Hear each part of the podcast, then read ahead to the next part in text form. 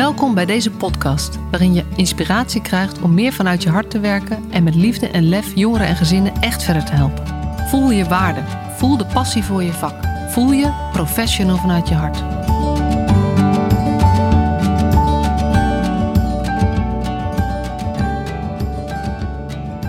Hey, wat leuk dat je er weer bij bent. Dit is aflevering 75 van de Professional vanuit je hart podcast. En ik vind het leuk om weer een gedachte met jullie te mogen delen. En uh, omdat het nummer 75 is, uh, zat ik zo eens na te denken wat mij nou raakt in uh, ons prachtige veld. Wat me bezighoudt, waar ik me zorgen over maak, waar ik blij van word. Nou, dat laatste, dat, dat weten jullie volgens mij wel, omdat het... ik word bijvoorbeeld ook heel blij van, van alle gasten die ik heb en die allemaal op hun eigen manier vertellen hoe zij vanuit hun hart het verschil maken in het leven van mensen. En dat is, uh, nou ja, dus dat is echt waar ik in geloof dat, dat we dat nodig hebben en nog veel meer mogen doen.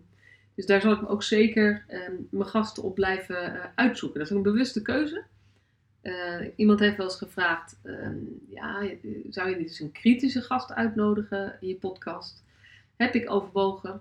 En ik heb bedacht dat ik dat vooralsnog niet ga doen. Weet je, kritisch over alles, maar niet over het uitgangspunt. Ehm, is het belangrijk om je hart mee te nemen in je werk. Want ik denk dat uh, niet iedereen is het hier ook mee eens. Nou, de mensen die het hier niet mee eens zijn, kunnen lekker naar andere dingen luisteren waar dit minder naar, uh, naar voren komt. Maar ik denk dat de meeste mensen die naar deze podcast luisteren, het juist heel leuk vinden om steeds weer geïnspireerd te raken om wel vanuit hun hart te werken. En um, ik zat zo eens na te denken over hoe dat bij mij eigenlijk dit thema ontstaan is. En um, ik ben natuurlijk gewoon als hulpverlener zelf begonnen. En uh, terugkijkend was ik wel iemand die altijd vanuit oprechte interesse als mens in gesprek was met de mens die tegenover mij zat, of dat nou een jongere was of een ouder. Maar toen was dat helemaal nog niet zo bewust. Uh, ik denk dat dat een beetje gekomen is um, in de tijd dat ik trainingen ging geven. Uh, en toen was het ook nog niet zo bewust hoor. Het is meer retrospectief dat je daarachter kan komen. Uh, connecting the dots, zoals uh, Steve Jobs ook wel zegt. Uh, of, of heel mooi, het leven wordt voorwaarts geleefd, maar achterwaarts begrepen. Um, maar toen zat ik te denken, wat was een van de momenten waarbij ehm, ik ook merkte dat, dat, dat er iets was in mijn manier van, van omgaan met mensen wat, wat raakte. En toen dacht ik aan de tijd dat ik docent was bij de Master Jeugdzorg in Leiden. De Hogeschool Leiden eh, heeft toen een, uh, is gestart met de Master Jeugdzorg volgens mij in 2009, 2010, daar iets in de buurt. Ik denk 2009. En uh, ik ben, helemaal in het begin ben ik daar een aantal jaar docent geweest toen ik bij uh, Vermont werkte. En dat vond ik ontzettend leuk om te doen. En ik um, was daar verbonden aan het vak beleid en organisatie. En um, nou ja, dat klinkt vrij um, abstract, stoffig en zakelijk. En uh, ik vond het dus eigenlijk wel een grappige keuze dat ik juist daaraan verbonden ben geraakt. Maar um, ik, ik, las toevallig ook, uh, kwam ik iets tegen van een oud student. En die zei, Masha maakt altijd die, eigenlijk die organisatiedingen, die beleidsdingen zo ongelooflijk praktisch.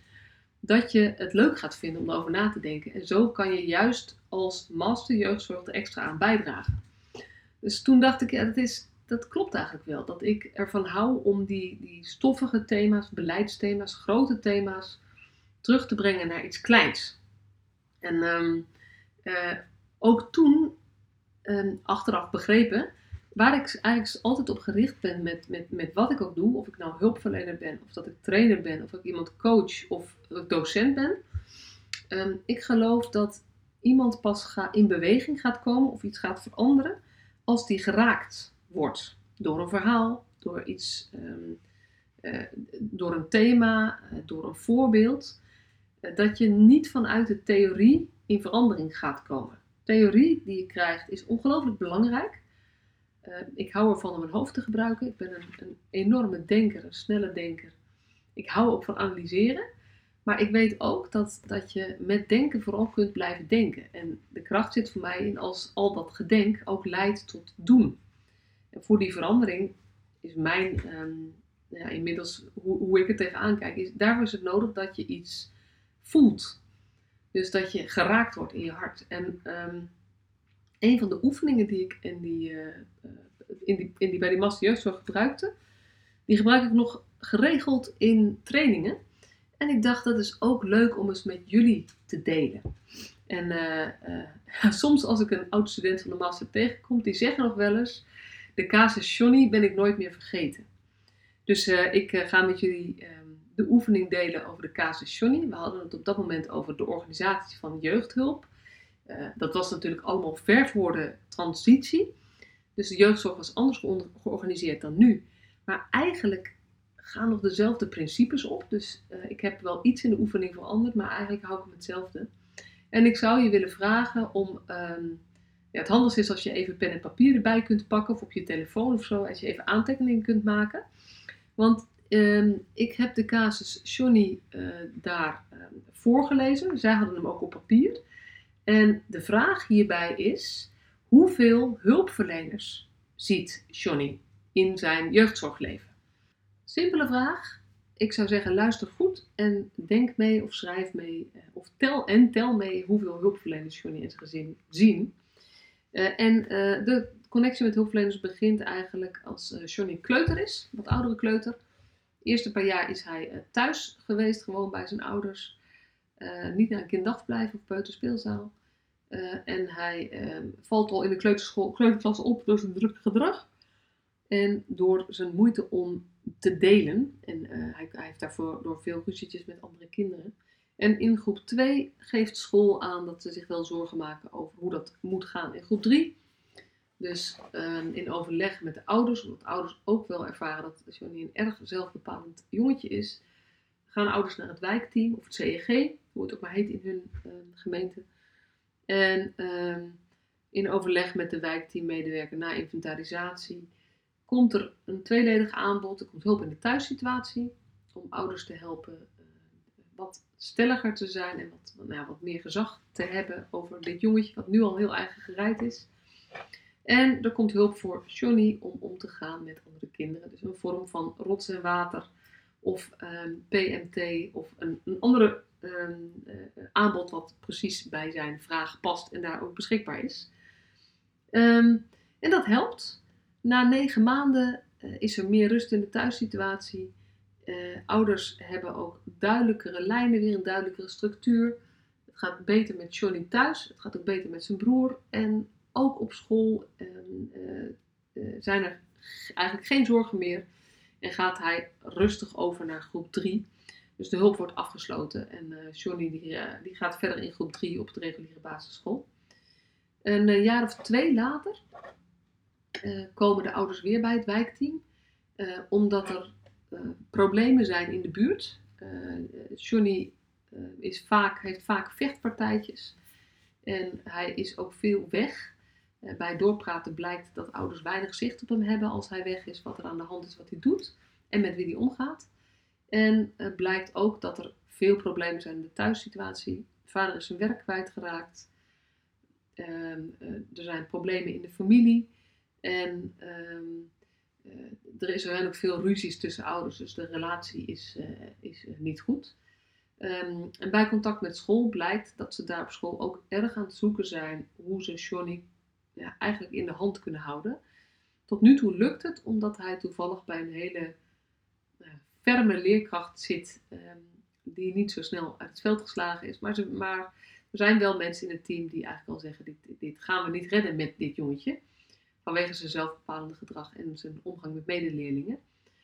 Um, en alles op een rijtje zettend in overleg met de ouders, uh, wordt besloten dat Johnny naar uh, naschoolse dagbehandeling gaat. Om twee redenen. De ene is, uh, daar kan hij meer begeleiding krijgen in het omgaan met andere kinderen. En de andere reden is, ehm, ouders hebben te weinig zicht op hem. Dit is onveilig voor een jongetje van acht. Dus het is goed als hij een deel van de week in ieder geval wel veilig is. Uh, en dan kan er in de tussentijd met behulp van uh, intensieve hulp thuis gekeken worden hoe ouders weer meer grip krijgen op, uh, op hem.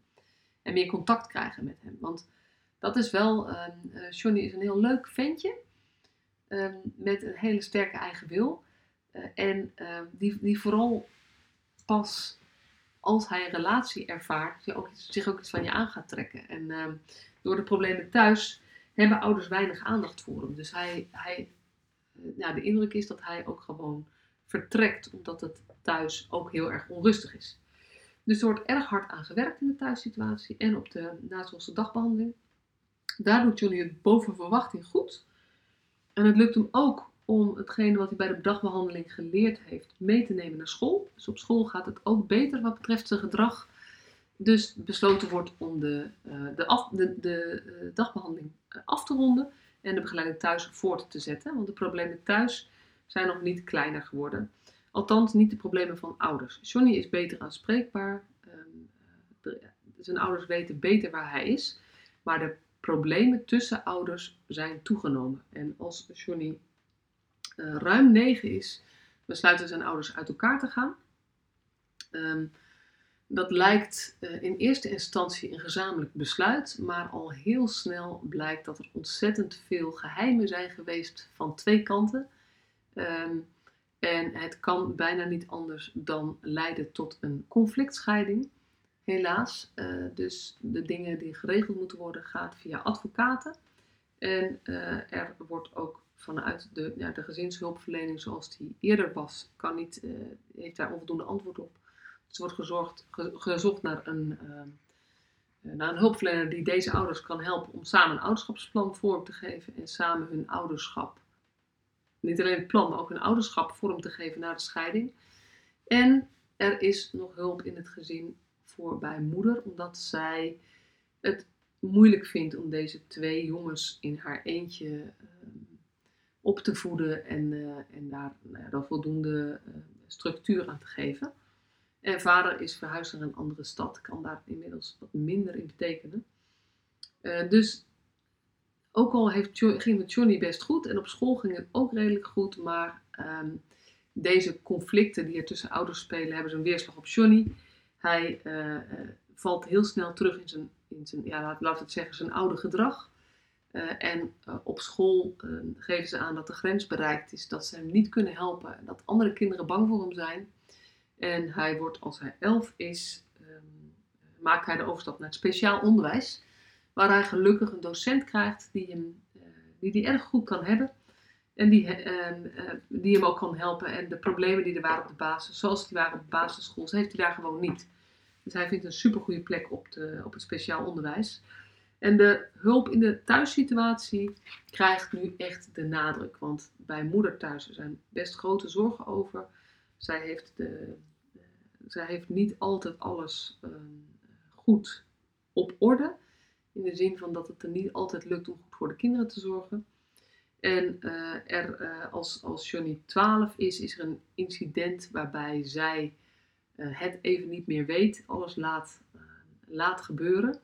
en het leidt ertoe dat Johnny en zijn broer, die 14 is, eigenlijk twee dagen helemaal voor zichzelf moeten zorgen. Uh, en nou, dat is toch iets waar, waar de mensen om hen heen zich zorgen over maken. Dus um, die nemen contact op met de gezinshulpverlener. Deze informatie komt bij haar terecht, wordt besproken. En uiteindelijk worden, deze, worden Johnny en zijn broer crisis uh, uit huis geplaatst in een pleeggezin. Omdat het moeder zo overspannen blijkt te zijn dat zij hulp voor zichzelf nodig heeft. Eerst voordat zij weer moeder kan zijn van deze kinderen. En vader niet uh, de gelegenheid heeft om zijn zoons op te vangen. Dus zij gaan voor een korte periode naar een uh, crisispleeggezin. Um, en in, dat is ongeveer drie maanden zijn ze daar. En daarna gaan zowel Johnny als zijn broer weer terug naar zijn moeder. Er zijn afspraken gemaakt nu ook met vader. Um, dus er, is wat gedeeld, ver, wat beter verdeeld. Dus de, de last voor moeder is wat minder zwaar geworden. En um, ja, beide ouders maken nog gebruik van de hulp um, die aangeboden wordt en zien ook het belang van de hulp voor hun kinderen. Ze willen echt wel het allerbeste voor hun kinderen. En Johnny maakt uh, van speciaal basisonderwijs, de, of speciaal onderwijs, de stap naar uh, uh, het voortgezet onderwijs. En ook dat gaat goed. Hij, ehm, hij zit op het VMBO en hij, heeft, hij haalt goede cijfers. Mogelijk zou hij anders wel HAVO gekund hebben, maar VMBO-advies is passend gezien zijn, zijn, nou ja, zijn geschiedenis. Ehm, en hij haalt goede cijfers en hij houdt zich daar ook redelijk aan de afspraken. Hij is wel wat ongrijpbaar, vinden ze op school. En het is niet altijd duidelijk met wie hij precies omgaat en, en waar de jongens mee bezig zijn. En um, moeder die, heeft, die merkt ook dat, uh, dat ze eigenlijk weer de grip op Johnny meer kwijtraakt. Het gaat op school wel goed, maar hij is ontzettend veel weg. Uh, en zij weet niet waar hij is en wat hij dan doet. En hij is al een aantal keren met de politie in aanraking geweest. Met uh, winkeldiefstalletjes, vernieling, vernielingjes, vandalisme, wildplassen, uh, dat soort dingen. en als hij 14 is, krijgt hij voor het eerst een, een, een taakstraf van bureau Halt. Met bureau Halt te maken. Um, in de hoop dat dat hem helpt. Of eventjes nou ja, laat zien waar het ook echt om gaat. En dat hij daarvan schrikt. Uh, en um, de gezinshulpverlening was wat, nou, was wat, door de hulp die moeder voor zichzelf had gekregen, was de hulp uh, in het gezin wat verminderd. Maar nu wordt er opnieuw gekozen voor een intensieve vorm van, uh, van gezinshulpverlening, bijvoorbeeld MDFT, iets vergelijkbaars. Intensief, um, in de hoop dat dat moeder en vader gaat helpen om, om de, hun zoons uh, goed groot te brengen. En in het bijzonder Johnny, want dat is degene over wie we het hebben. Um, maar uh, dat lukt nog niet meteen, want Johnny uh, gaat nog een aantal keer de fout in en komt op die manier een aantal keer voor de rechter. Hij doet ook wat grotere, grotere dingetjes. Dus hij krijgt een, um, te maken met een kinderbeschermingsmaatregel. en het wordt een combinatie van een jeugdreclassering en OTS. Omdat er toch echt wel zorgen zijn over hoeveel grip ouders nog op hem hebben, hem nog kunnen helpen.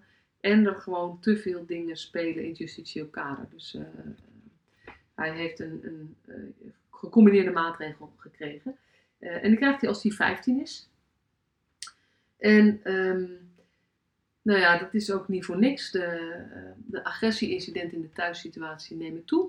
Johnny en zijn broer kunnen het niet meer zo goed met elkaar vinden. En uh, op een gegeven moment is er zo'n heftig incident dat moeder zich niet meer veilig voelt. En uh, dat deze jongens allebei uh, per direct uit huis moeten. En zij worden, komen, nou, Johnny komt terecht op een crisisgroep als hij 15 is. En ehm, vanaf die, vanaf crisisplek wordt gekeken waar hij naartoe gaat. Hij gaat naar een, een behandelgroep toe in de, in de buurt van zijn woonplaats. Maar helaas gaat het daar um, ook niet zo goed. Komt ook omdat ze daar veel um, wisselingen in personeel hebben en daar zit Johnny niet zo op te, te wachten. Dus hij wordt uh, overgeplaatst naar een groep bij een andere organisatie, iets verder van huis, in de hoop dat de stabiliteit die daar is, hem ook helpt om zich wat beter te ja, handhaven, zullen maar zeggen. Ehm, maar helaas blijft Johnny ongrijpbaar, eh, veel op pad, met veel, veel met vrienden op pad ook. En ook geregeld komt hij met de politie in aanraking. Niet echt grote dingen, maar wel veel kleine dingetjes. Dus er zijn grote zorgen over wat hij doet, met wie hij omgaat. En uh, op een gegeven moment besluit de gezinsvoogd dat het zo niet verder kan. De, de groep heeft ook de, die derde groep, derde behandelgroep is het volgens mij uh, die heeft aangegeven via de behandelgroep dat, dat het hier niet gaat en dat een ander plekje gevonden moet worden voor hem. En ze besluiten om hem gesloten te plaatsen, om, als een soort uiterste redmiddel om hem ja, toch een soort van weer in contact te krijgen. Uh, dus als hij 16 is, wordt hij gesloten geplaatst. Um, daar is hij natuurlijk eerst, eerst heel boos over en hij uh, zet daar aardig de boel op stelte. Dus hij wordt ook een keer verplaatst naar een andere groep daar, binnen dezelfde gesloten instelling. En op een gegeven moment lijkt Johnny eigen voor zijn geld te kiezen. Past hij zijn, nou ja, gaat hij minder opstandig zijn en veel meer zich richten op hoe hij zo snel mogelijk bij de geslotenheid weg kan. En dat helpt. Dus um, hij, uh, hij draait bij, zou je kunnen zeggen. Hij heeft het, uh, uh, er zijn geen agressieincidenten meer. hij blijft zelfbepalend, maar ook wel heel erg toekomstgericht. Dus um, er, wordt, nou, er wordt een plan gemaakt en hij gaat als hij 17 is, als hij bijna 17 is, maakt hij de over, overstap naar een ehm, een 16-plus groep in, zijn, eh, in de buurt van zijn woonplaats. Ehm, een open groep met nog wel intensieve begeleiding in het begin. Maar niet te veel, omdat anders de weerstand van, uh, van Johnny ook weer zo groot wordt. Dus hij, uh, hij gaat daar naartoe. Um, en met hele goede voornemens, goede plannen. En het lukt hem ook om daar zijn draai te vinden. Uh, hij gaat naar school, hij heeft een bijbaan en hij is goed in contact met de begeleiding. Maar hij, na ongeveer vijf maanden, dus hij is, hij is dan ruim 16, 17, ruim 17 is hij. Na een maand of vijf um, wordt het toch lastiger voor hem. Um, komt hij weer in contact met oude vrienden en uh, gaat hij eigenlijk weer dingen doen die hij besloten had niet meer te doen. Dus hij komt weer met politie in aanraking en um, hij gebruikt ook veel uh, drugs. Dus de behandelgroep zegt op een gegeven moment: Wij kunnen jou hier niet helpen. En hij wordt doorgeplaatst naar een andere plek waar uh, aan de ene kant wat meer toezicht is en aan de andere kant ook wat meer ruimte voor zijn, voor zijn eigen plannen. Een, dus geen groep meer, maar een, een, plek waar jongeren heel erg individueel begeleiding krijgen. Ehm, maar waar wel aanwezigheid is. En um, op die plek kan die niet aarden. Dus Johnny die is daar een week en dan loopt hij weg. En dan gaat hij eerst weer terug naar zijn moeder. En daarna gaat hij naar, naar een andere uh, woonplek toe. Hij is inmiddels 16, 17 jaar en 8 maanden. en daar kan hij nog net terechtkomen, een vorm voor begeleid wonen. en daarbij wordt wel gezegd, ja, hier heb je gewoon één kans. En die, je moet zorgen dat je dat waar gaat maken. en um, nou ja, als, hij, als hij 18 is, woont hij daar nog laten we daar even op houden. En nou ja, we weten natuurlijk allemaal dat, dat een deel van de jongeren die zo'n geschiedenis hebben, um, daar blijven wonen, maar het niet altijd positief afronden of moeilijk uitstromen. En hoe dat verder afloopt, dat, dat mag je zelf uh, bedenken. Maar dit is de geschiedenis van, van Johnny. En ehm, ik heb het een beetje geprobeerd het, het verhaal erbij te vertellen. Ik merkte dat ik het ook lastiger vond dan wanneer ik voor een klas sta. Dus dat is ook interessant. Maar ik ben heel benieuwd hoeveel hulpverleners jij geteld hebt. Um, en of je daar ook van geschrokken bent. En uh, uh, ik heb zelf geteld en ik kom uh, zo rond, rond de 150 hulpverleners uit. Als je alle. Ehm, je, hebt natuurlijk gewoon de, de ene wijkteammedewerker, maar die neemt ook eens een keer een collega mee. je hebt de ene gezinsvoogd, maar die ene gezinsvoogd, we weten het, ehm, het verloop onder, onder personeel het realistisch verloop, dat zijn er meestal ook meer dan één.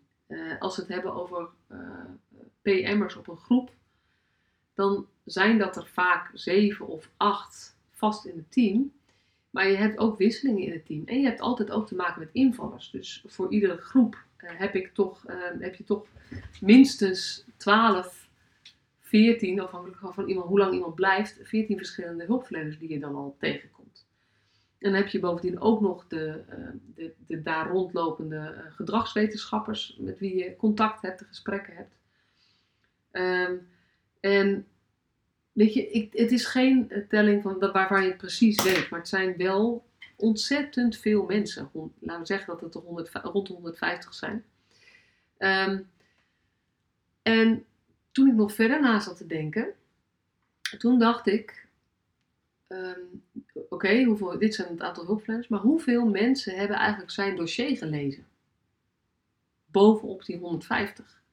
Als je daarover na gaat denken, word je helemaal een soort van eng. Want um, uh, we hebben niet alleen te maken met, uh, met het zorgkader, maar ook de advocaten uh, van moeder en van vader hebben een heel groot deel, hebben te maken met een heel groot deel van het zorgdossier of zorgdossier over Johnny en zijn gezin. Dus die weten ook heel veel wat er leeft. Die hebben niet alles gelezen, maar ook een deel ervan gaat mee. De rapportage van de raad is ook op heel veel plekken bekend. En um, nou ja, als je dat eens laat bezinken, hoeveel mensen dat zijn, misschien wel uh, 250, misschien wel 300, um, dan zou ik je zullen vragen om stil te staan bij hoe dat voor Johnny moet zijn. Dat dat zoveel mensen zijn überhaupt die hij al ziet. En met wie hij allemaal wat zou moeten opbouwen of wie hij zich allemaal wat zou moeten aantrekken. Ehm, maar ook hoe is dat voor zijn ouders? Wat betekent het voor je vertrouwen? Wat betekent het voor de investering die je gaat doen in de nieuwe gezinsvoogd of in de nieuwe jeugdbeschermer? Heet soms een oude term, blijft bij mij hangen, de uh, jeugdbeschermer. Ehm, de groepsleider, de, de gezinsbegeleider, de ambulant werker. Ehm, hoe werkt dat? Als je al zoveel hulp hebt gehad en zoveel mensen hebt gezien, wat doet het dan met je als er weer een nieuw iemand komt met frisse energie? En ik zou je ook willen vragen, wat, doet, wat betekent het voor jou uh, als hulpverlener dat je dit laat bezinken en dat je, dat je hoort hoeveel, uh, hoeveel hulpverleners erbij betrokken zijn bij een casus die niet heel uitzonderlijk is. Weet je, ik weet natuurlijk dat er een deel van de um, kinderen of gezinnen geholpen wordt uh, bij het wijkteam of met evenwijzing en dat het dan klaar is en dat het weer goed gaat. En dat vind ik, vind ik echt geweldig. Maar ik vind het zo belangrijk dat we juist voor deze groep jongeren, deze groep gezinnen die langer gebruik maken van jeugdhulp en meer uh, vormen van hulpverlening te maken krijgen, daar zien we ook waar het misgaat in ons systeem. En we kunnen het systeem niet veranderen, maar ik denk persoonlijk dat het wel heel erg helpt als jij als hulpverlener je realiseert: wow, dit is hoe het is voor kinderen, dit is hoe het is voor jongeren, dit is hoe het is voor ouders. En mijn ervaring is dat ouders, eh, ook ouders die al heel veel hulpverleners gezien hebben, of jongeren die al heel veel hulpverleners gezien hebben, eh, eigenlijk zich altijd best wel weer open willen stellen voor een nieuw iemand, als die nieuwe persoon zich realiseert: wow, jij hebt al een hele geschiedenis achter je. Dat is een soort van begin uh, van het bouwen van een werkrelatie. En uh, ik hoop dat nou ja, het doen van deze oefening, het vertellen van dit verhaal, het hierover nadenken, bij jou ook iets um, uh, in werking zet. Uh, waarbij ik me, weet je, ik weet de oplossing ook niet. Ik zou willen dat we dit anders zouden kunnen doen, maar ik heb geen idee als ik zo'n soort, uh, zo'n levensverhaal hoor. Um, maar wat ik wel zeker weet, is dat het verschil maakt als we dit erkennen.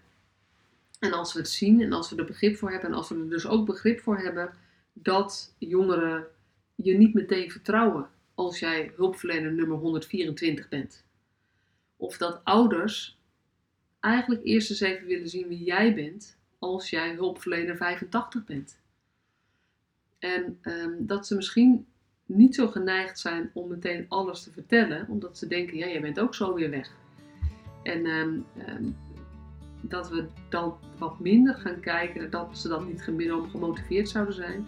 En wat meer gaan koppelen aan, nou ja, aan hun geschiedenis, aan hun levensverhaal en aan hun ervaringen met de hulpverlening. Dat was het voor vandaag. Dankjewel voor het luisteren. Ik hoop dat je er wat aan gehad hebt en dat je er door aan denken gezet bent of dat je er door geraakt bent. En uh, heel graag tot de volgende keer. Gewoon weer met een gast, want dat vind ik toch nog steeds een stukje comfortabeler. Fijne dag!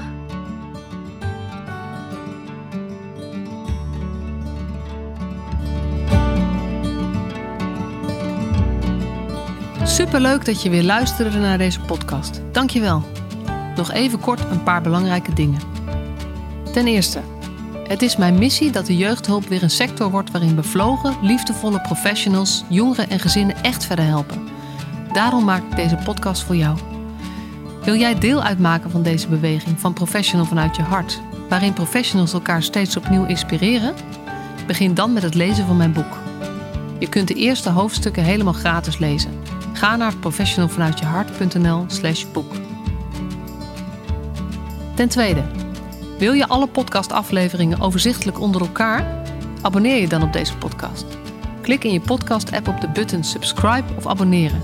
En elke keer als er een nieuwe podcastaflevering gepubliceerd wordt, ontvang je automatisch een berichtje. Ten derde, ondersteun je mijn missie? Geef me dan een review via je podcast-app, bijvoorbeeld iTunes of Spotify. Op die manier kan ik nog meer professionals bereiken.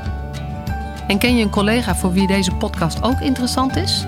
Dan zou het super zijn als je hem of haar de podcastaflevering doorstuurt. Bijvoorbeeld door de link te kopiëren via Spotify.